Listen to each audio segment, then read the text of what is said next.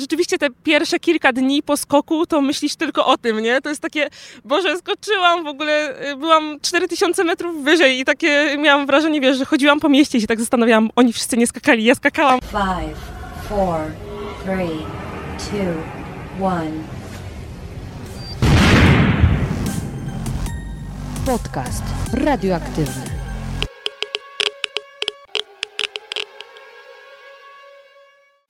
Dzień dobry, dzień dobry. Witam Cię w kolejnym odcinku podcastu radioaktywnego. Zanim przejdę do przedstawienia mojego dzisiejszego gościa, to oczywiście krótkie ogłoszenia dusz podcasterskie. Przede wszystkim bardzo dziękuję, że ze mną jesteście, słuchacie i że wysyłacie do mnie wiadomości na Instagramie, o których mówiłam, że możecie do mnie w każdym momencie napisać. Przyznaję, że jest dla mnie zabawne to, że Wy naprawdę jesteście zdziwieni faktem, że wysyłam wiadomości wideo no i ja naprawdę je wysyłam, bo ja lubię dużo mówić, yy, także jeśli do mnie napiszecie, to na pewno odpowiedź będzie w wersji wideo, bo wtedy można wyrazić więcej emocji, szczerzej z Wami pogadać a przyznaję, że sobie czasami tak szczerze rozmawiamy. Także bardzo Wam dziękuję za te wiadomości. Druga informacja to właściwie przypomnienie, że zarówno ten, jak i wcześniejsze odcinki możesz zobaczyć w wersji wideo na YouTubie. Wystarczy wpisać podcast radioaktywny na YouTubie, bardzo łatwo zapamiętać i nic nie stoi na przeszkodzie, abyś zobaczył w jakich okolicznościach nagrywam albo jak wygląda mój gość, bo to jest szczególnie ważne w przypadku dzisiejszego nagrania, ponieważ moim zdaniem naprawdę warto popatrzeć na mojego gościa, jest niezwykle urokliwy. Ale jak już wpadniecie na YouTube'a, to nie zapomnijcie zostawić subskrypcji, bo im będzie więcej widzów, tym kanał będzie większy i mam nadzieję YouTube będzie go bardziej promował. E, I to właściwie tyle z ogłoszeń też podcasterskich. Oczywiście bardzo dziękuję patronom za to, że ze mną są, że mnie wspierają, bo dzięki Wam podcast może się rozwijać i jeśli ktoś z Was jeszcze nie jest patronem, a chciałby dołączyć do tego zacnego grona, to również serdecznie zapraszam i odsyłam na stronę patronite.pl ukośnik zmacznego. W ramach przypomnienia każdy z patronów, w zależności od kwoty, którą zdecyduje się co miesiąc przekazywać jako wsparcie podcastu, dostaje różne nagrody, w tym też jest masło orzechowe. Także jeśli jesteście zainteresowani dotacją na rzecz podcastu, to serdecznie zapraszam. A teraz już przechodzę do dzisiejszego odcinka, do dzisiejszego gościa, a właściwie gościuwy. I jest nią Basia Węgrzyn, o której wspominałam w ostatnim odcinku z Rafałem Gęburą z 7 metrów pod ziemią. I mogę z czystym sercem powiedzieć, że Basia po prostu spadła mi z nieba, ponieważ ta dziewczyna od kilku lat skacze ze spadochronem i ma za sobą ponad 400 skoków. 400 skoków. Ja nie mam za sobą żadnego, a ta dziewczyna skoczyła już kilkaset razy. Z Basią porozmawiałam m.in. o tym, jakie to uczucie, kiedy znajdujesz się kilka kilometrów nad ziemią i wiesz, że dosłownie za parę sekund musisz wyskoczyć. Zapytałam ją również o to, jak duże jest prawdopodobieństwo, że spadochron się nie otworzy, a także czy w ogóle możliwe jest skakanie, kiedy ma się lęk wysokości. Dodatkowo zdradziła mi jeszcze, jak to jest między nią a Rafałem. Czy naprawdę był jakiś romans? Zapraszam Was bardzo serdecznie do wysłuchania naszej rozmowy.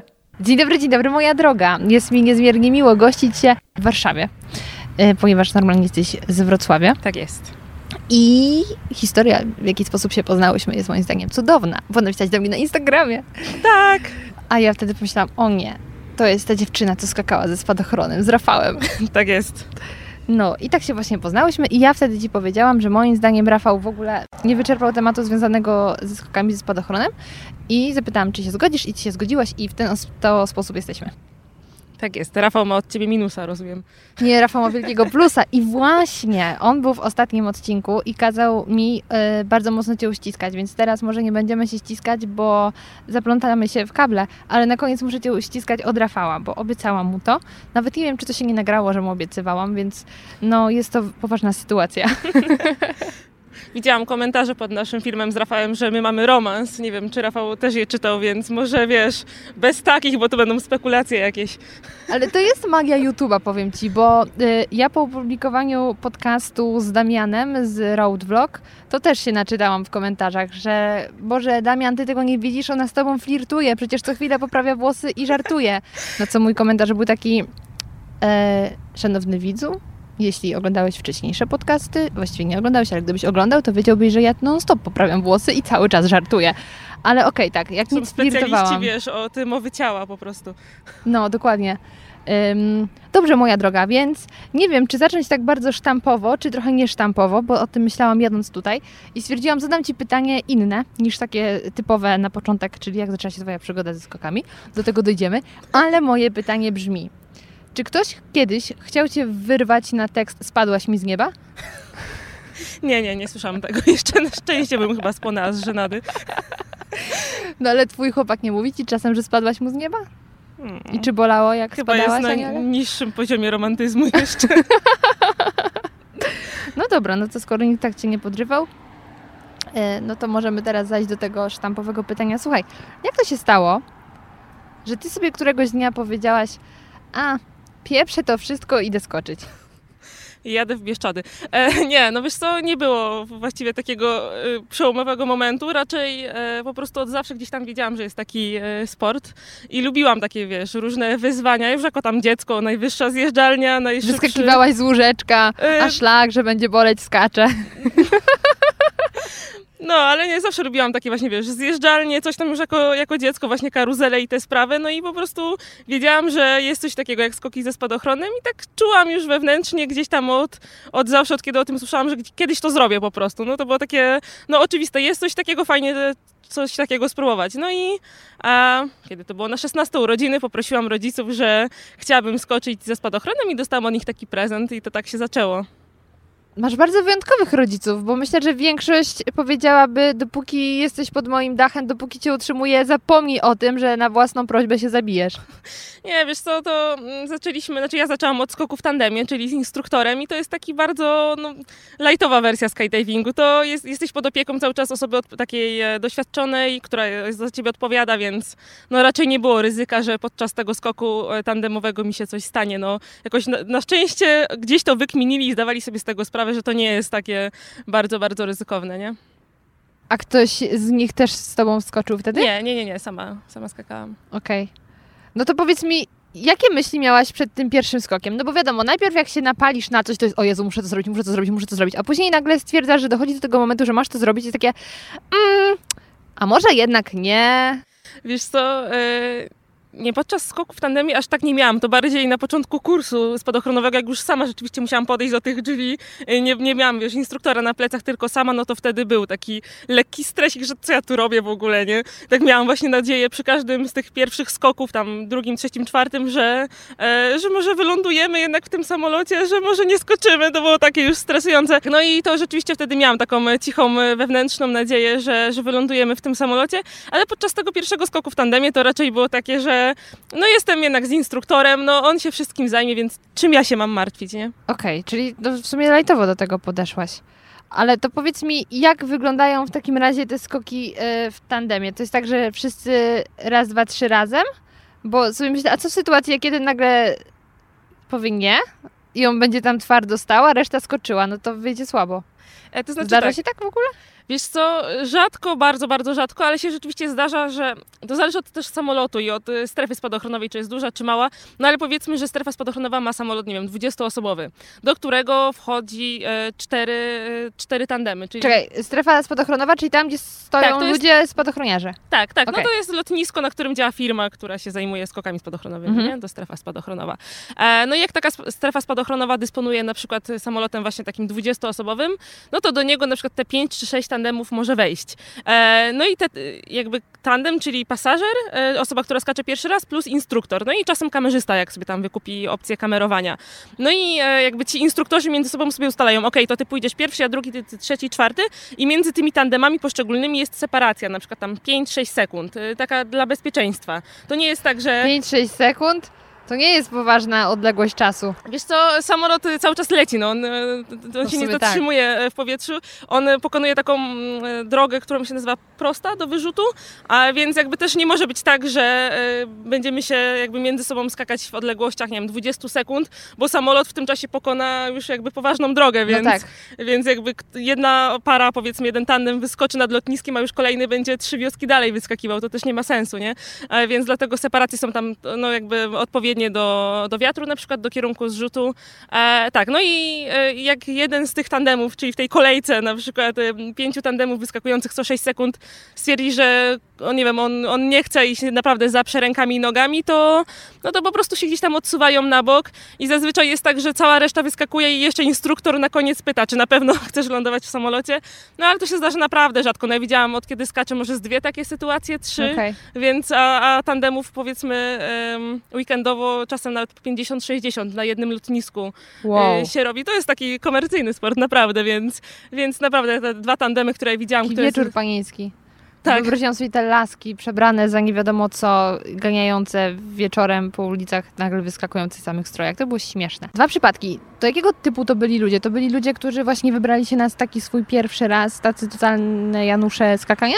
Tak, tak, tak, tak. Właśnie jakby o tych sytuacjach mówiłam. Mówiłam o właśnie o skokach w tandemie, bo już jakby skoczkowie to jest powiedzmy tam e, inny temat, ale też raczej nie rezygnują.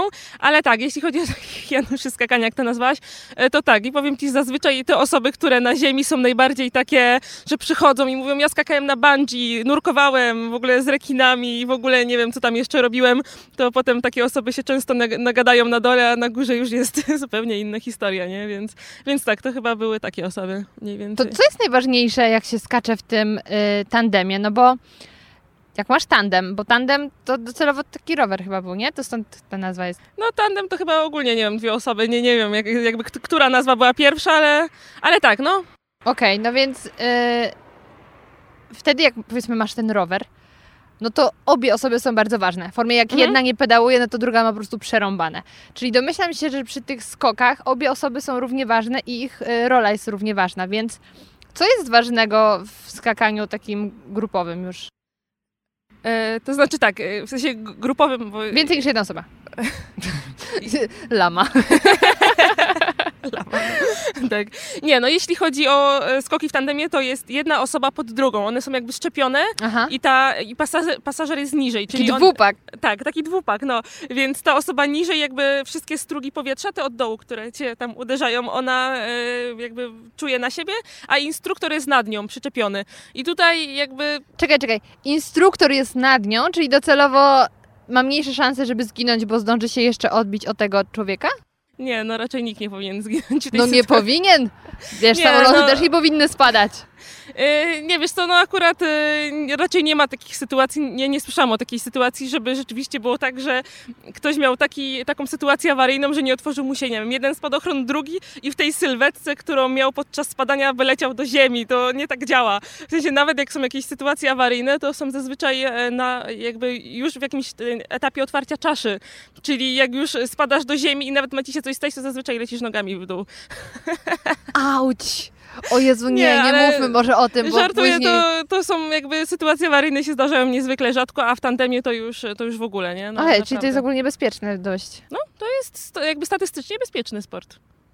E, Naprawdę są rzadko kontuzje, rzadko No w e, sumie wypadki. tak, no bo więcej chyba biegaczy ma kontuzji. No, zdecydowanie. Na przykład teraz jak e, były te mistrzostwa w siatkówce, to sobie myślałam, ile tacy siatkarze mają kontuzji, nie? No, Tak. na, na przykład siatkarze, nie? Naderwany coś tam. Tak, nogi, ręce, wszystko masz narażone, a w skydivingu jest naprawdę rzadko kiedy. No, czasem sobie ktoś tam złamie nogę, czy tam skręci przy lądowaniu, ale to, to, to rzadko, nie? Ale w ogóle nazwa skydiving jest przepiękna. Takie nurkowanie w niebie, nie? Tak, tak, tak. No od tego się jakoś tak wzięło, nie wiem, no na pewno z Ameryki, No, Ameryki. ale odkrycie amerykański sport, nie? Ale tak, no po polsku spadochroniarstwo. Nie mamy jakby tej e, jakby przetłumaczonej nazwy skydiving tak bezpośrednio, bardziej pa, jakby od paraszut, nie od spadochronu. Nie bonus, że zanurzyć się w niebie. O nie, nie bonus, jak to brzmi. Słuchaj, ale jak tak powiedziałaś, że jak lecisz, że się spadasz, czy w sumie, dobra, spadasz, Mhm. e, to ci powietrze uderza po brzuchu. Tak. To od razu pomyślałam, czy to jest dobry sposób na zrobienie sześciopaku? Nie, wiesz co, raczej nie ma się, znaczy, no gdzieś tam może niektórzy mają spięte mięśnie brzucha, to zależy też od tej sylwetki, jaką przyjmujesz jakby podczas spadania, bo tych sylwetek może być tam kilka różnych. E, no i tam troszkę może te mięśnie działają, ale no nie, siłowni to nie zastąpi, nie ma Okej. szans. A czy siłownia pomaga w skokach? No ogólnie taka... Mięśnie pomagają skokach? Tak, tak, tak. No ogólnie taka sprawność, jakby taka całościowa, nie? I też i trochę kondycja i, i odporność na przykład, no bo tam mamy cały czas zimno, ciepło, zimno, ciepło, nie? E, ale no siłownia też, bo na przykład, y, nie wiem, wychodząc z grupą, na przykład sześcioosobową, czy pięcio, czy ilokolwiek, e, to niektóre osoby muszą wyjść z samolotu i jakby trzymać się na zewnątrz rączki i czekać na resztę grupy, która na przykład wychodzi ze środka. Teraz uświadomiłam, jakie to jest przerażające. Nie, to jak wiesz, jesteś skupiona na, jakby na, na skoku, na grupie, więc to tam jakby nie myślisz o tym, ale y, ten samolot powiedzmy leci sobie, nie wiem, ze 120 na godzinę, 140, przy wyrzucie trochę tam zwalnia, dlatego, dlatego tyle. E, No i jednak musisz się utrzymać, nie? Ten, te strugi od y, śmigła e, To samolotu. nagle podciąganie się na drążku to jest takie...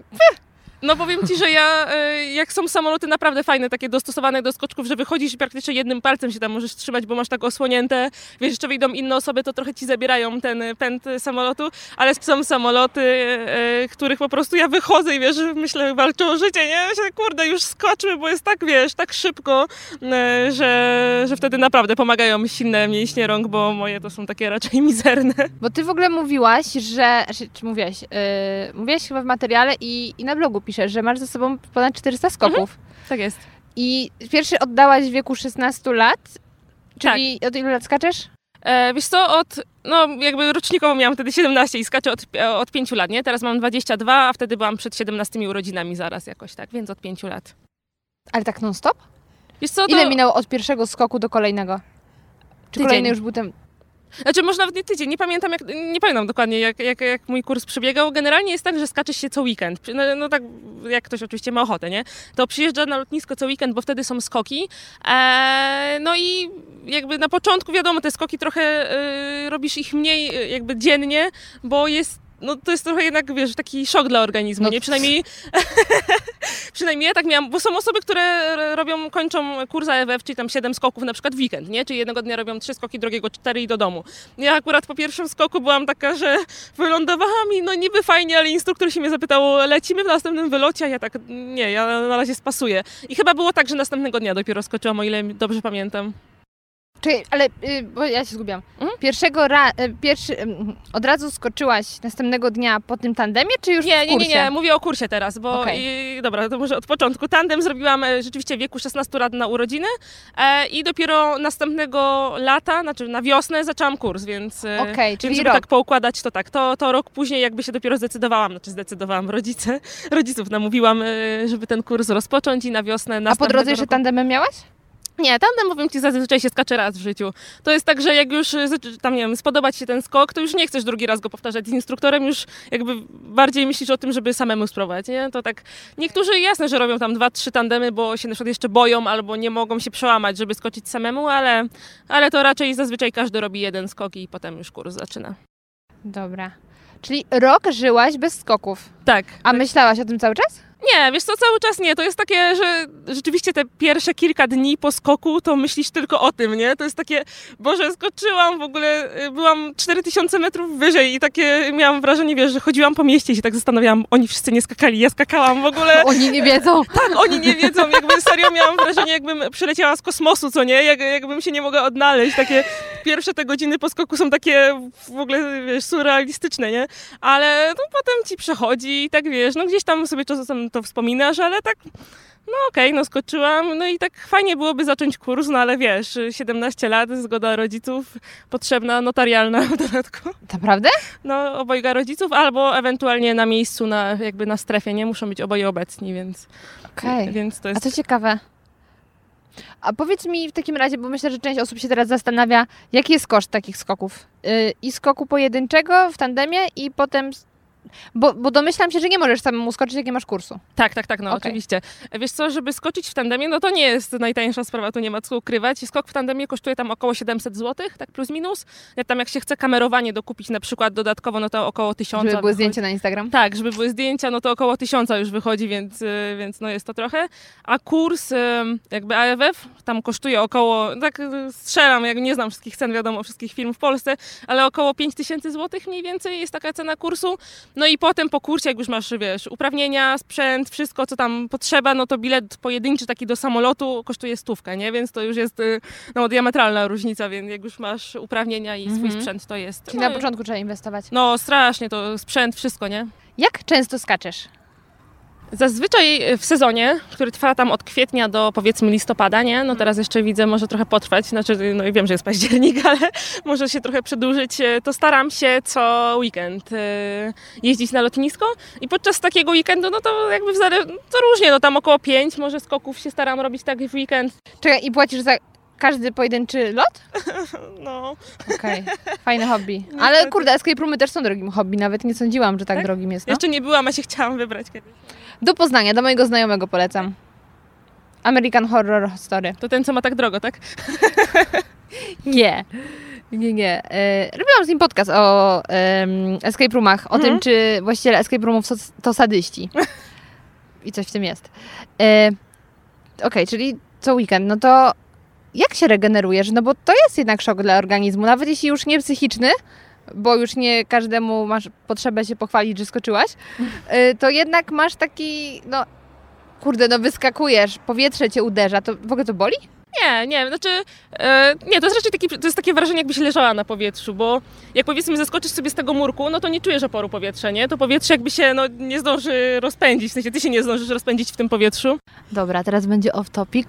Podszedł do nas jakiś pan, który kręci materiały o związkach damsko-męskich i zapraszał nas na swoją stronę.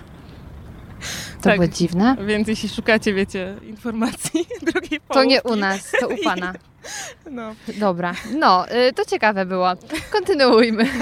Y, tak, chciałam Ci wytłumaczyć, e, jak to działa, że jak, nie wiem, skoczysz ze stadionu, a, czy tam z murku, dobra, nie wiem dlaczego po- popatrzyłam na stadion. No dobra, nawet ze stadionu. spoko, skoczyłabym. Tak, nawet ze stadionu czy z Pałacu Kultury, to jakby twoje ciało, jakby będziesz machać rękami i nogami i się nic nie zmieni, w sensie jakby to nie wpłynie na powietrze, ani powietrze na ciebie, bo po prostu e, jakby nie zdążysz się rozpędzić w tym powietrzu. I to jest taka jakby, Jezu, to jest taka próżnia, no my to naz- nazywamy też czasem martwym powietrzem, czyli ono jakby nie, nie pracuje z tobą, ono nie działa, a jakby skakujesz z samolotu, i lecisz z tych 4000 metrów, to raz, że dostajesz już od razu strugi e, ze, ze śmigła z samolotu, e, to dwa, że po prostu twoje ciało zdąży się rozpędzić. I jakby dzięki temu to powietrze się staje takie miękkie i jakby możesz, jakby możesz w nim działać, możesz na nim latać, możesz się na nim utrzymać i jakby zmieniając położenie rąk i nóg, e, jakby wpływa to na to, że się przemieszczasz po tym niebie. Możesz się w jakiejś pozycji utrzymać, jakby rozumiesz ten, tą różnicę, że jak skoczysz właśnie z tego Pałacu Kultury, to możesz machać rękami się nic nie stanie, nie? Po prostu nimi będziesz machać. A w powietrzu jak sobie machniesz ręką, to twoja jakby sylwetka i Tak twoje... jak z wodą trochę, nie? Tak, tak, tak, tak, no coś, coś w tym stylu. I jakby od razu... Że jak w wannie ruszasz nogą, to się nic nie dzieje, ale jak w basenie ruszasz, to czujesz opór. No można to tak porównać, więc... Chociaż ja w ogóle się nie mieszczę w wannie często, po prostu wanny są za małe. Tak Okej. Możesz basen 25 metrów jako wannę traktować. Wyobraź sobie tam pianę wpuścić. No. Sztos. Więc, e, więc tak to działa. Dlatego to powietrze no nie jest, to nie, to nie boli, to nie jest takie, wiesz, uderzenie jak w tym, powiedzmy, basenie jakimiś, wiesz, biczami wodnymi, Jacuzzi. no w jacuzzi, tymi, wiesz, tymi, e, co tam tą wodę tam masa, mas, masują cię, tylko to jest takie, takie mięciutkie powietrze, na którym po prostu możesz, e, jak się położysz, to czujesz, że leżysz, nie? Jakby czujesz, że sobie na tym powietrzu możesz się zatrzymać, położyć i... No, zatrzymać to chyba czas trochę względne, bo No, czas ci leci. Tak, zatrzymać powiedzmy względem innych osób, które z tobą lecą, Okej. nie? E, możecie być na tym samym poziomie, możecie tak operować jakby ciałem, żeby sobie do siebie dolecieć, nie wiem, przybić piątkę, cokolwiek, nie? Mhm. Czyli, e, czyli jakby po prostu możecie jakby razem do siebie pracować, nie? I to jest to. I, no i to nie boli. Odpowiadając na twoje pytanie, to nie boli. Dobra, to to nie boli. Ale w jaki sposób się regenerujesz? Bo w ogóle... Dobrze, powiedziałam dobrze słowo. Ym, bo weszłam na twoją stronę i y, było tam 10 rzeczy, które każda kobieta, która skacze, powinna używać. I mówiłaś tam między innymi o maseczkach. Kremach, balsamach, maseczkach, tak. No tutaj się może trochę osób śmiać, bo na przykład większość skoczków to są faceci, więc oni w ogóle nie rozumieją. Ale tak, jak przyjeżdżam po takim weekendzie, jak jest na przykład chociaż trochę chłodniej, albo nawet nie, no to usta są popękane, to nie ma w ogóle dwóch zdań, co nie? Od tego powietrza jednak cały czas jesteś e, w tym samolocie, w samolocie wieje, po wyjściu z samolotu wieje e, i tak dalej, więc na przykład no, takie, to są takie głupie rzeczy, takie wiesz, skóra, no jak, jak usta, no to to jest jasne, że to się gdzieś tam pęka, wysusza i tak dalej, no ale to nie są, wiesz, rzeczy, z którymi sobie nie można poradzić, no wiesz. Maseczka z ogórka. Maseczka, tak, maseczka z ogórka, peeling ust i heja, nie? I można zaczynać poniedziałek po takim weekendzie. No, nie A to mówię, jest jedyna regeneracja? wiesz co, no tak ciało to... To zależy też. y, Ja na przykład najbardziej się czuję taka zmęczona po weekendzie, jak jest zimno, bo to wtedy wiesz, rzeczywiście musisz poubierać tych warstw na siebie, cały czas cię wiesz, przewiewa, lądujesz, jest trochę cieplej, na górze jest powiedzmy minus 15 i no to nie jest taka super komfortowa sytuacja. Ja na przykład po takim weekendzie po prostu wiesz, jedyne co marzę to albo gorący prysznic, albo sauna. Ale jak jest lato, no teraz było tak piękne lato, że wiesz, skoki w krótkich spodenkach i tak naprawdę wiesz, nic się nie działo, nie? Bo, Say what? No naprawdę, wiesz... y, A to, to od razu y, nasunęło mi się pewne pytanie, bo ja kiedyś dawno temu jeździłam skuterem Mhm. i nie potrafiłam zrozumieć ludzi, którzy jeżdżą e, w kaskach takich jak są na Harley'ach, powiedzmy, Mhm. że masz tylko ten hełmik, Tak, tak, tak, Bo taki przecież- orzeszek. taki orzeszek, no, bo to nie chodzi w tym kasku do końca też o bezpieczeństwo, chociaż no oczywiście chodzi, w ogóle nie rozumiem jak można jeździć bez, ale Mhm. kurde, niech cię walnie mucha, to jest taki ból albo w rękę. Dlatego ja jeździłam w rękawiczkach motocyklowych, mimo że miałam skuter. Hardcore. Bo jak ci głupia mucha uderzy, to boli. No, a w powietrzu na Nie- nic nie trafiacie, nic nie uderzacie? A wiesz co, nie, powyżej tam, nie wiem ile, nie mam pojęcia, powiedzmy, że muchy, nie wiem ile to mogą do 10 metrów latać, 15. Myślę, że to jest... Nie wiem, na e, 14 piętro mi wlatują. Okej, 14 piętro razy ile mniej więcej 3 metry? 40 metrów. Dwa i pół. Może no. 2,5. E, no, więc nie, na 4000 metrów, czy tam powiedzmy do tego, e, kiedy otwieram spadochron, do tego tysiąca nie ma much, nie ma ptaków. Też mi kiedyś Okej. się pytałam, czy nie ma tak, że lecimy i wpadamy w bociana, co nie? Więc nie, nie, nie, nie, nie. w ogóle ptaki, no nie, nie latają e, na takich wysokościach i e, no po prostu nie. Jak otwieramy spadochron na tam tych tysiącu metrów i sobie już lecimy do, do ziemi, to już, no jasne, że tam są czasem jakieś ptaki, czy tam jakieś komary, ale to już lecimy bardzo po prostu wolno, nie? Więc możemy sobie ominąć Ile to jest bardzo wolno? Oj, nie wiem, powiem ci szczerze. Bo Z mamy... 80? Nie, nie, nawet nie, wiesz co, tam są jakby dwie prędkości. Jest prędkość jakby mm, prosto taka do, do przodu, którą lecisz i prędkość, z którą opadasz, nie? Ale... Ja nawet nie wiem, no wstyd, ale wydaje mi się, że tam, nie wiem, może... nie będę strzelać, ale wstyd, ale nie, to już jest takie po prostu, wiesz, opadanie, nie? Ju, już... Fotoradar was nie złapie. Nie, nie, nie, nie. To już po otwarciu. Też zależy, jaki kto ma spadochron, nie? Bo są różne spadochrony, różne budowy spadochronów, tam jakieś sportowe, szybsze, wolniejsze, e, dla kamerzystów, dla jakichś tam instruktorów i tak dalej. To, one się tak nie nazywają, ale powiedzmy dla uproszczenia.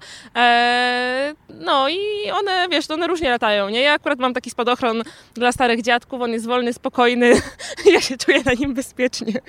A to mi w sumie kolejne pytanie się przez to pojawiło, bo ja kiedyś myślałam, no jestem blondynką, mam prawo, do, y, only God can judge me, że jak otwierasz spadochron, to to jest tak jak poduszka powietrzna w samochodzie, musisz wymienić na nowy.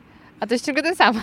Nie, wiesz co, może takie skojarzenie jest gdzieś tam z tych spadochronów ratowniczych, jak na przykład mają szybownicy, nie? No. Czy tam jacyś, e, nie wiem, w jakichś samolotach akrobacyjnych, czy jakiś tam, nie wiem, gdzie się te spadochrony używa. E, to rzeczywiście tak jest, że jak ktoś taki spadochron użyje, wiesz, raz na 100 lat, jak ma awarię, nie wiem, szybowca, no to, to rzeczywiście trzeba go tak jakby od nowa dawać do mechanika i układać. A nasze spadochrony, e, no nie, to byłoby droga, drogi interes. to nie są tanie rzeczy. Nie, spadochron się otwiera, lądujesz na ziemi i albo sama sobie go układasz, albo dajesz uk- tam układaczowi na strefie osobie, która układa spadochrony i haja do góry znowu, nie? Tam układanie spadochronu trwa z 15 minut, 10-15 minut, więc no. Czekaj, układanie spadochronu trwa 10-15 minut, Mhm. ubieranie się pewnie trwa z kolejnych 15. No. Wzlot tam do góry pewnie no z 10 minut, nie więcej od startu. E, Nie, no więcej, z 15 Z nawet 15? do 20, 20. Czyli łącznie wszystko dookoła trwa godzinę. Mhm. No, Ile trwa skok? Spadanie to bez otwartego spadochronu minutę. To jest piękne po prostu, powiedziałabym puenta, ale my nie kończymy, ale to jest niesamowite, żeby, żeby doświadczyć przez minutę czegoś wyjątkowego, co zaraz poproszę Cię, żebyś mi opisała, jak to odbierasz. Przygotowujesz się godzinę. No, znaczy, może nie tyle, wiesz, tam te ale rzeczywiście tak, jeden skok na godzinę to jest taka realna, e, że tak powiem, wynik, jeśli jedziesz na, na weekend, to rzeczywiście tak co godzinę mniej więcej możesz skakać. No wiadomo, że to nie jest tak, że się ubieram, wiesz, jak kosmonauta, że pięć osób mi pomaga i rękawiczkę wkładam i coś tam, ale to zazwyczaj jest tak, że wiesz, ląduję, rzucam spadochron i wiesz, zostaję w tych ubraniach, nie? To nie jest tak, że co skok muszę się przebierać, no chyba, że wiesz, foty na Instagram to co innego. nie, żartuję. Ale ten, e, no i zostaję w tych ubraniach, wtedy sobie idę tam, wiesz, na napić się wody, zjeść batonikę i zazwyczaj wtedy lecę. No i mi to się tak zawsze kojarzy, e, jak się ktoś dziwi, że kurde, no spędzacie tutaj cały dzień, żeby zrobić pięć skoków na przykład, nie? No i to mi się tak zawsze kojarzy z narciarzami, na przykład szczególnie w Polsce, nie? Stoisz w kolejce godzinnej, wjeżdżasz wyciągiem 15 minut starym zardzewiałem i zjeżdżasz w minutę, co nie? I to jest właśnie ten powód, dla którego nie jeżdżę na nartach. Nie to, że nie potrafię, po prostu szkoda mi czasu. No. Nie, no to prawda, że to wiadomo, że fajniej by było, e, nie wiem, gdyby ten samolot wlatywał w minutę e, i żeby skok trwał 10 minut, no ale się nie da, więc jest jak jest. Fizyki nie oszukamy, nie? Ale wiesz, tak sobie myślę, że chyba wszystko, co daje ludziom przyjemność, to jednak się więcej do tego trzeba przygotować. No zobaczmy chociaż temat jedzenia. Musisz zrobić zakupy, ugotować, a jeszcze ostatecznie usiądziesz przed Netflixem i jedząc nawet nie zwrócisz uwagi, że już zjadłeś. To prawda, no dlatego nie gotuję. no tak.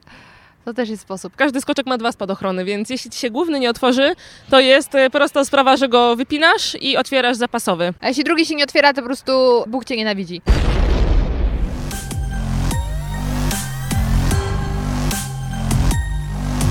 Podcast radioaktywny. Dobra, no to teraz ym, zahaczyłam już o to, więc powiedz mi, co czujesz, jak jesteś w powietrzu, jak skaczesz? W ogóle masz czas myśleć? Wiesz co, e, tak i nie. Znaczy, mam jakby jest full czasu, bo minuta dla skoczka to jest naprawdę, to jest dużo czasu, nie? E, już jakby się przyzwyczajasz, że to trwa, bo na początku co się wydaje, że to trwa sekundę, nie? Wyskakujesz i kurde, już patrzysz 2000 metrów, jak to się stało, nie? Kiedy ten czas minął. Ale kiedy już masz tam ileś skoków, to ten czas się wydłuża. Przez tą minutę jesteś po prostu w stanie, e, wiesz, jakby ka na każdej sekundzie się skupić tak naprawdę, nie? To się ten czas tak... E, mindfulness.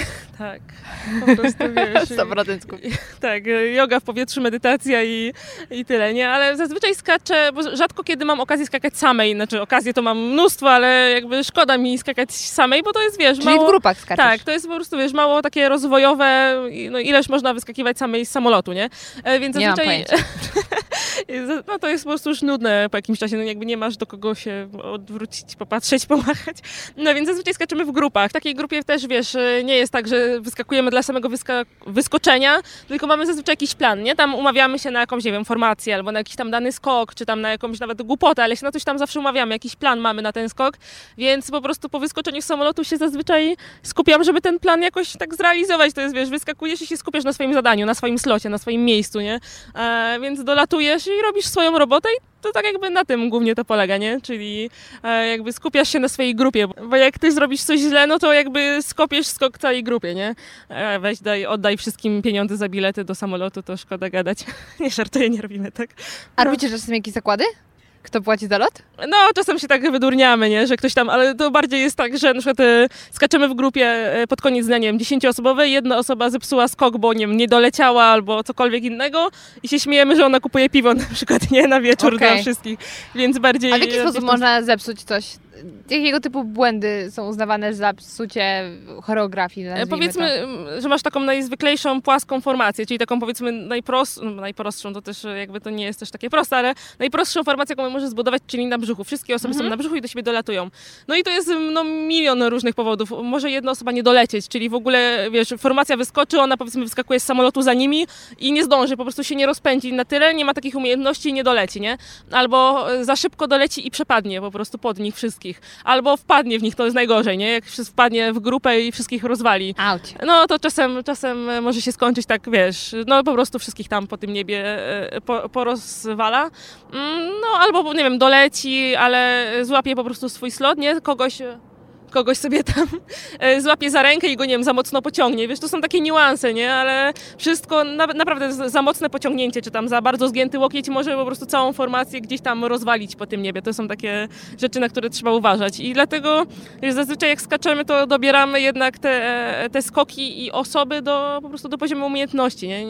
Nie ogłaszamy na całe lotnisko, słuchajcie, skaczemy, nie wiem, traka, czy tam taki styl latania i bierzemy wszystkich, nie? Bo to nie ma sensu, bo to zawsze ktoś gdzieś właśnie komuś wciśnie na jego miejsce, kogoś tam, nie wiem, poturbuje, więc to nie ma sensu. To teraz mi zaczęło zastanawiać, jeśli na przykład mówisz, że nie zdąży gdzieś tam się zbliżyć, to wy niejako tak, staram sobie to sobie wyobrazić, czy to się jakoś tak pływa w tym powietrzu?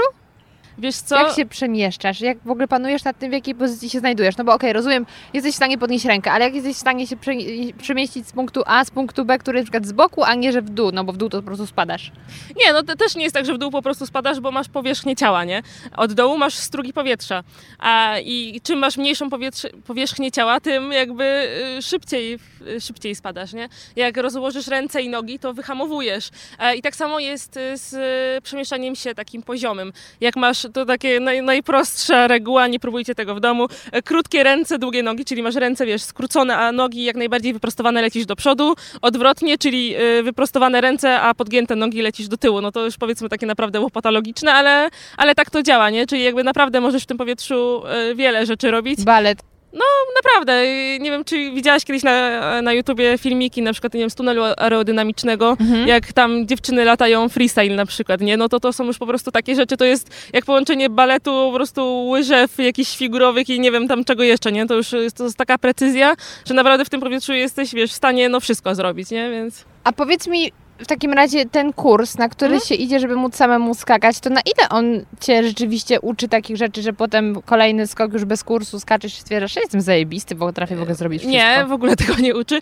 Kurs y, uczy e, jakby samodzielnych skoków, w sensie e, nie w grupie, tylko że po kursie jesteś w stanie sama wyskoczyć z samolotu samodzielnie i zachować stabilną sylwetkę do otwarcia, bo to jest jakby największy e, jakby taki problem, znaczy problem, no największa rzecz, którą trzeba się nauczyć e, podczas pierwszych skoków, żeby stabilnie w tym powietrzu lecieć, Mhm. bo to nie jest wbrew pozorom w ogóle proste, nie? E, Zawsze przy kursie na początku cię gdzieś tam obraca albo gdzieś tam znosi, wiesz, masz niesymetrycznie ręce, nogi i to nie jest proste. I właśnie kurs uczy tego, żeby zachować stabilną sylwetkę i żeby w tej stabilnej sylwetce otworzyć spadochron, no i lądowania bezpiecznego, nie? Niczego więcej. Tak, a wszystkie takie rzeczy, właśnie jak latanie jakichś konkretnych styli, tam wiesz, możesz latać no, brzuchem do dołu, tak jak mówiłam, to jest taka jakby podstawowa e, sylwetka. Możesz też latać e, jakby głową do góry, jakby tak ala siedząc. Możesz też latać w jakichś tam różnych kątach. No są jest po prostu dużo różnych styli latania i tego się wszystkiego już uczysz po kursie na takich kursach, nie wiem, doszkalających, nie? Czy tam od znajomych, no różnie z YouTube'a. Czyli to jest niekończąca się nauka. Oj, no naprawdę, to jest tyle rzeczy do nauki, że wiadomo, jakby spadać to każdy mm, potrafi, ale żeby to ładnie robić i, i naprawdę umieć jakieś fajne rzeczy, to jest dużo, dużo do nauki. Dobra, to po ilu skokach oddanych w tak właściwie byłaś już w stanie skoczyć w grupie i zrobić jakąś fajną sekwencję? E, ja zaczęłam dość szybko skakać tam e, w grupach, bo wiesz, jednak dziewczyna się pouśmiechałam i wszyscy chcieli ze mną skakać. No, to jest Dobrze. ten plus.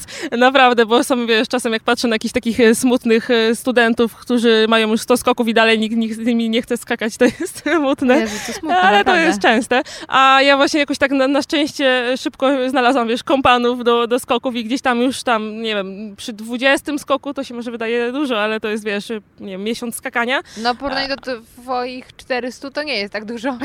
No i przy takim 20 skoku już gdzieś tam skakam jakieś pierwsze czwórki, wiesz, tam cztery osoby, czy tam potem piątki jakieś. No to nie zawsze wychodziło, ale już, wiesz, już gdzieś tam zaczęłam skakać jakieś takie pierwsze grupowe skoki. A bierzesz udział w jakichś zawodach? Wiesz co, na razie nie. E, na razie nie, bo jeśli chce się, wiesz, startować w zawodach, to trzeba sobie wybrać jakiś konkretny styl latania i go po prostu, wiesz, tłuc i maltretować, nie? E, takim bardzo popularnym, e, no, kiedyś, no w sumie dalej, e, właśnie to były czwórki płaskie, e, czyli po prostu cztery osoby za, tam mają sobie jakiś tam team i ćwiczą, wiesz, skok w skok, tą, e, tą czwórkę płaską i tam po prostu robią e, w ciągu jednego skoku jak najwięcej przejść muszą zrobić, takich sekwencji, nie? No i to po prostu trzeba ćwiczyć, a ja na razie tak traktuję trochę ten skydiving jako, wiesz, chcę wszystkiego spróbować po prostu, nie? I jasne, że tam są rzeczy, które umiem lepiej i gdzieś tam bym mogła je szlifować właśnie pod zawody, ale, ale jakoś na razie nie miałam takich takich pomysłów i ambicji. Na razie właśnie y, po prostu próbuję wszystkiego. Bardziej, jeśli już biorę w czymś udział, to są kampy i to są po prostu takie obo- no, obozy, może to mi się jakoś tak skojarzyło, ale takie bardziej doszkalające em, Studia podyplomowe. takie, no, można tak to nazwać. Po prostu wiesz, jeździsz na przykład na trzy dni w jakieś miejsce i siedzisz tam te trzy dni i tłuczesz rzeczywiście może ten jeden e, styl skakania, ale się go po prostu uczysz, nie? Czyli na przykład, e, nie wiem, e, jakiś właśnie head-upowy camp, nie? Czyli uczysz się latać tylko i wyłącznie głową w górę, nie? Tak na, na siedząco i wtedy tłuczesz tych skoków tam, nie wiem, 20 na tym kampie. No i tak, e, tak to działa, nie? Na razie na zawody, a poza tym też wiesz, w Polsce nie ma za bardzo zawodów. To jest, e, to jest druga kwestia, że są zawody tunelowe, e, bo mamy trochę tam tych tunele, tuneli aerodynamicznych nawet właśnie w Warszawie, we Wrocławiu tak samo. I tam jest trochę tych zawodów, ale takich typowo skydivingowych to, to rzadko kiedy się organizuje, naprawdę. Mm, były zorganizowane, co to były? Mistrzostwa Świata w pilotażu czaszy. Super nazwa. Fajna nazwa. We Wrocławiu w tym roku, ale to już jest taki, naprawdę taka bardzo wąska dyscyplina spadochroniarstwa, którą już naprawdę osoby, które raczej mają tysiące skoków uprawiają, nie? Ona jest Mhm. bardzo taka niebezpieczna, bym trochę powiedziała, agresywna i bardzo, bardzo szybka, nie?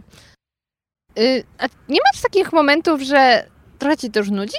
Bo tak mówisz, jakbyś ciągle chciała odkrywać, ale to się zastanawiam, no 400 razy skaczesz, to już pewnie nawet jest więcej niż te 400. Mhm.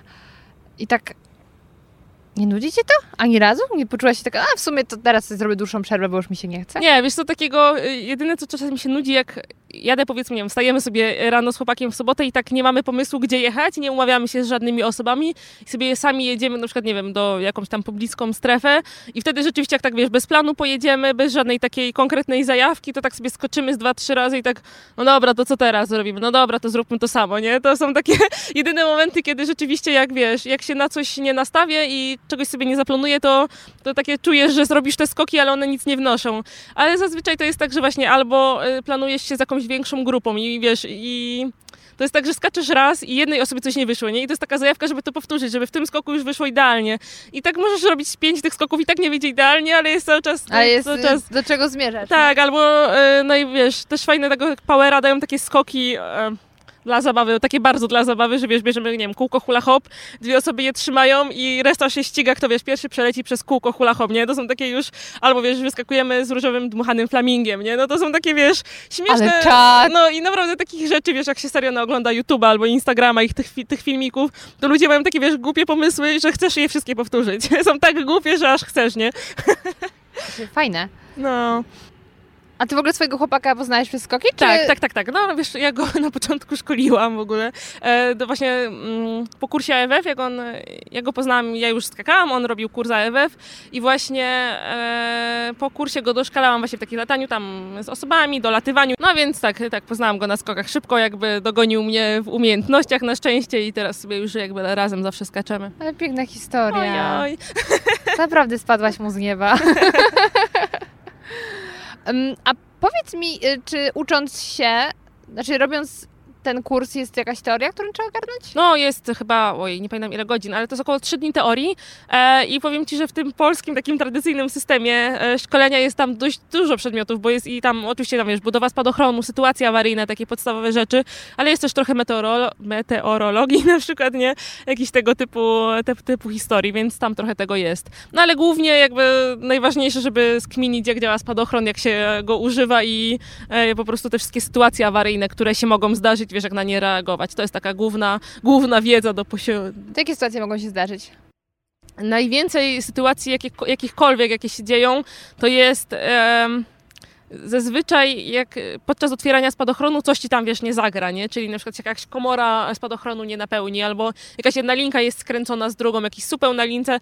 No takich, takich wiesz, tego typu sytuacji jest, nie wiem, może z, nie wiem, 15 takich różnych, wiesz, opisanych po prostu, że może się zdarzyć to, to, to, to, to i to, nie? Spadochron może być skręcony, może być nie do końca napełniony. Linki się mogą zaplątać czaszą, no wiem, że to nie jest ciekawe, e, co opowiadam, ale generalnie jakby pro, z, z procesem otwarcia spadochronu tych sytuacji jest trochę, ale pocieszające jest to, że te wszystkie sytuacje są naprawdę takie, wiesz, nie, nie niebezpieczne, bo wystarczy tam e, ruch czy dwa linką, spadochronem i to się zazwyczaj naprawia, nie?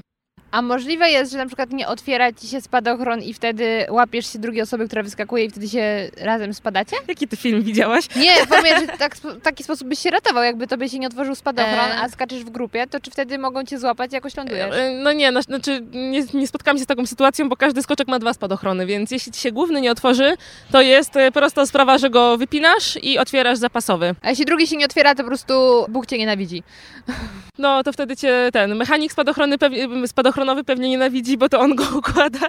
Nie, ale ten spadochron zapasowy jest, jest tak em, układany, że on, on ma taki bardzo uproszczony sposób otwarcia. On się nie otwiera tak skomplikowanie jak ten główny, że jest tam tyle tych linek i tak dalej, tylko on się praktycznie natychmiastowo otwiera i tam już raczej się nie pojawiają takie właśnie jakieś komplikacje. Tak się zastanawiam, y, na ile jesteście w stanie ogarnąć, gdzie wy lądujecie? Czy wy zawsze lądujecie na lotnisku, na którym startujecie, czy jednak gdzieś w pobliskich polach, gdzie was później szukają?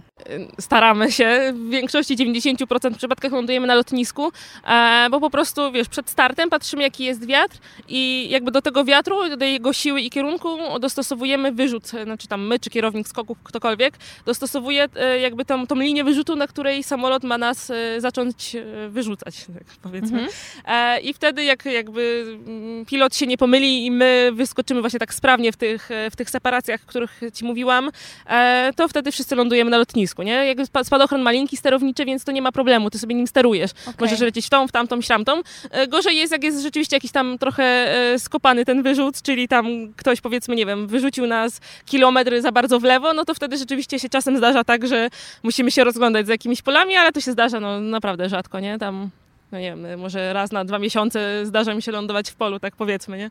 A zazwyczaj ląduję na lotnisku. Jak wygląda w ogóle sam proces lądowania? Um, czy to jest tak, że siadasz? Nie, zazwyczaj staję. W sensie e, po prostu. Naprawdę jest super wolno, jeśli może tak sobie stanąć. Tak, bo mamy właśnie te linki sterownicze działają też trochę jak hamulce, czyli przed samą ziemią wyhamowujesz ten spadochron praktycznie do zera, nie? Czyli tam, gdzie sobie postawisz stopę na ziemi w tym momencie możesz go wiesz, wyhamować i on sobie spokojnie już opada no, to nie, to, to, nie jest jakieś takie, mm, wiesz, szybkie, czy jakieś tam super y, szalone, tylko jest po prostu jedna prosta, e, taki kierunek, w którą wszyscy lądują, wszyscy sobie tam ustawiają sobie taką rundę, jeden za drugim, pyk, pyk, pyk, pyk, wszyscy na ziemi. Niesamowite w ogóle, że człowiek nawet niebo ogarnął, nie? Że jest w stanie tak do siebie trochę dopasować. No też właśnie, to zawsze mnie zaskakuje, nie? Czyli, że możemy sobie skiwać z samolotu i nic nam się nie no dzieje. Ja ostatnio myślałam właśnie, y, jak leciałam samolotem, Jakie to jest niesamowite, że ktoś to ogarnął, że tony, z, nie wiem z czego się robi teraz samoloty, ale żelastwa w cudzysłowie, bo to pewnie nie jest żelazo. Amelinium. Amelinium myślę tak. Nie, jest nie w stanie wiem. się wnieść i nie spaść. I, I to ogarnął człowiek, więc wtedy sobie myślisz, kurde, nie ma rzeczy niemożliwych. A potem widzisz innych Januszy, którzy nie chcą szczepić dzieci i myślisz, co poszło nie tak. No wiesz, albo tych, którzy wierzą w płaską ziemię. No właśnie, jak to jest? Coś tam wysoko byłaś. Nie, z, z naszej wysokości nie widać jeszcze krzywizny ziemi, to nie jest, nie jest ta wysokość. Może mają rację. Jest taka szansa, ale właśnie zawsze się śmieję, bo yy, na, tam z kamer różnych, GoPro i tak dalej jest, wiesz, bardzo zakrzywiony horyzont i to wszyscy mówią, ja, ale widać kulę ziemską na tych twoich zdjęciach, nie? A tam, wiesz, kula ziemska to proporcjonalnie jakby, wiesz, Wrocław zajmował pół świata, nie? To mniej więcej takie proporcje się tworzą, nie? Wrocław centrum świata. tak. E, no więc tak, nie, nie, nie widzimy krzywizny ziemi, więc nie potwierdzę, nie zaprzeczę o tej, o tej płasko, płaskiej ziemi. To teraz pytanie, bo znowu myślę, że mogą dosłuchać osoby, które mają lęk wysokości. Czy jest szansa dla osób, które mają lęk wysokości, żeby wyskoczyć? Ja mam lęk wysokości. Nie, serio? Serio, no. Nie, naprawdę to jest. Wiesz co, jak się stoi, powiedzmy, niech będzie na Pałacu Kultury i patrzysz w dół, a chociaż mam znajomych, którzy skakali e, z Pałacu Kultury, ale to pomijmy. E, to nielegalne, co? No. E, to jak patrzysz sobie z takiego budynku, wiesz, jakiejś takiej statycznej, e, statycznego budynku, nie wiem, czy jakiegoś mostu w dół, to to jest nisko, nie? I jakby ten lęk wysokości, no to właśnie o to w nim chodzi, że ty się boisz, znaczy tak mi się wydaje, to jest moja interpretacja psychologiczna, że ty się boisz, że wiesz, się potkniesz i że spadniesz, nie? No to, to no, ja bym nie chciała spaść z budynku, ale co innego w samolocie, wiesz, otwierasz no, te drzwi. spadniesz, to tam na pewno spadniesz. Tak, i właśnie, wiesz, to jest twój cel, żeby spaść, więc jakby się tego nie boisz i otwierasz drzwi samolotu i nie widzisz, wiesz, ziemi, nie? Znaczy, możesz sobie popatrzeć w stronę ziemi, ale widzisz taki bardziej zamazany krajobraz, nie? Nie widzisz konkretnych, nie wiem, ludzi, samochodów, czegokolwiek, jakby w ogóle nie widać szczegółów, więc nie masz takiego, że ci się kręci w głowie i ten obraz e, zamazuje, bo on i tak jest zamazany. E, no, bardziej e, się skupiasz, wiesz, na horyzoncie i na tym, że jak wyskoczysz, to masz jeszcze minutę spadania i możesz sobie polatać po tym niebie i tam, no naprawdę nie ma lęku wysokości jako takiego, nie? Czasem rzeczywiście, jak na przykład otwieramy drzwi samolotu wcześniej i nie wiem, tam ktoś mnie prosi z samolotu, żebym podeszła do drzwi i tam, nie wiem, coś tam zrobiła, nie? Tam, nie wiem, otworzyła drzwi czy cokolwiek, to oczywiście mam takie, kurde, no jeszcze, jeszcze nie chcę wypaść, nie? No, tak, mam coś takiego, że podchodzę do tych drzwi i tak raczej, wiesz, się staram kogoś trzymać jedną ręką i wtedy coś tam robić, nie? Ale kiedy jest już twój czas jakby do wyjścia, no to jakby chcesz sama skoczyć i naprawdę wtedy nie czuć lęk wysokości, przynajmniej ja nie czuję, jak ja nie czuję, a jestem wielką panikarą, to nie wiem, czy ktoś, ktokolwiek by czuł, nie? Niesamowite. A tak się zastanawiam, bo powiedziałeś, że jak pierwszy skok oddałaś, miałaś 16 lat i dla mnie to jest super mało. I zastanawiam się, ile najmniej można mieć lat, żeby skoczyć? Oczywiście wiadomo, że musisz mieć zgodę rodziców. Żeby skoczyć e, w tandemie, tam nie ma e, limitu wieku, tylko jest limit e, wysokości, tam chyba 105 140 albo 150 centymetrów. Wzrostu. Tak, bo to chodzi... Tak jak fotelik w samochodzie, coś tam. Tak, bo to wiesz, chodzi o to, że po prostu ta uprząż, produ- produkuje się uprzęże te dla pasażera w jakiejś tam konkretnej wielkości. No i chodzi o to, żeby, wiesz, było bezpiecznie, żeby to, ta uprząż trzymała tą osobę. Kurczę, to nawet takie dziesięcioletnie dzieci mogą. Tak, no nawet powiem młodsze. ci, że ludzie kupują czasem dzieciom na komunię skok w tandemie, więc no, to jest trochę, no nie do końca mam o tym jakieś, wiesz, fantastyczne zdanie, bo te dzieci potem się, wiesz, boją, to jest stres dla takiego dziecka, nie? Okej. E, wiesz, zostaje bez rodziców w samolocie z jakimś obcym typem, no, no, no Chyba, nie, nie że- każdy, nie? Chyba, że z rodzicem skacze. No, są też wiadomo, że są też przebojowe dzieci, to jakby no, zależy od dziecka. No ale tak, no, jeśli chodzi o skok w tandemie, to jest limit tej rzeczywiście wysokości, a e, kurs AWF w Polsce można zacząć od 16 roku życia, więc to jest właśnie... A jak myślisz, do którego e, roku życia będziesz skakać? No to myślę, wiesz, zależy od tego, jak się potoczy moje życie, no wiesz, różnie może być tam, też widziałam dużo moich e, znajomych rezygnuje ze skoków, nie wiem, po urodzeniu dziecka na przykład, nie, czy po jakimś tam... Że niby niebezpiecznie. No, jakieś tam właśnie wtedy im się odzywają e, pokłady, ym, jak to się nazywa tego... E, Instynktu Tak, samozachowawczego. do, dokładnie. Już mi słowa wypadają. E, więc no różnie może być. Nie, nie zakładam, że będę skakać do 50 i już, albo do 60.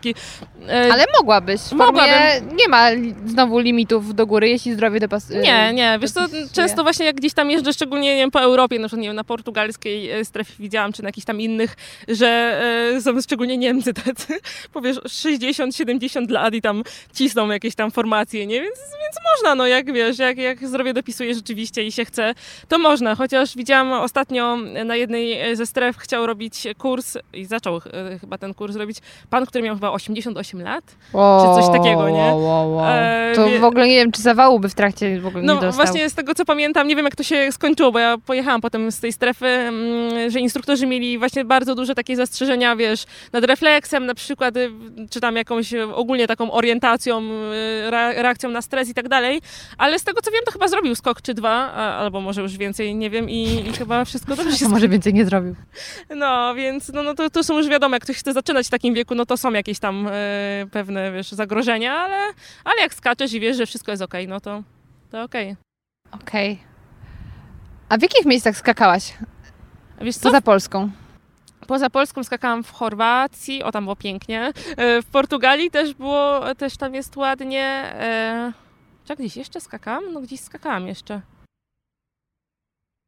Nie, teraz to mi tylko ta Chorwacja i Portugalia wpadł do głowy. No i w Polsce, wiesz, w, w mnóstwie miejsc e, w Polsce i właśnie na przykład e, gdzieś tam e, na Warmii, gdzie jest, wiesz, pięknie dużo jezior i, i na He, nad Helem, w ogóle nad Helem jest to naj, najbardziej sztos miejscówka chyba w tej, nie wiem, w Polsce, nie w Europie, nie wiem, gdziekolwiek. Tam jest tak pięknie, po prostu, wiesz, tylko lecisz na te 4000 i masz tylko ten wąski, wiesz, cypelek i, i wszędzie morze, nie? Bałtyckie no i tam zatokę, więc to jest, to jest sztos. Ja zapytałam moich patronów, jakie chcieliby Ci zadać pytania i właśnie padło pytanie, y, w jakim miejscu chciałabyś oddać skok?